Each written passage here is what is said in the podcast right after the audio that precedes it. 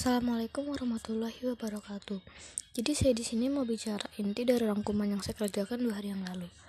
Materi pertama tentang pengertian Al-Quran. Al-Quran berasal dari kata masdar atau qara'a, sehingga kata Al-Quran dimengerti oleh setiap orang sebagai nama kitab suci yang paling mulia.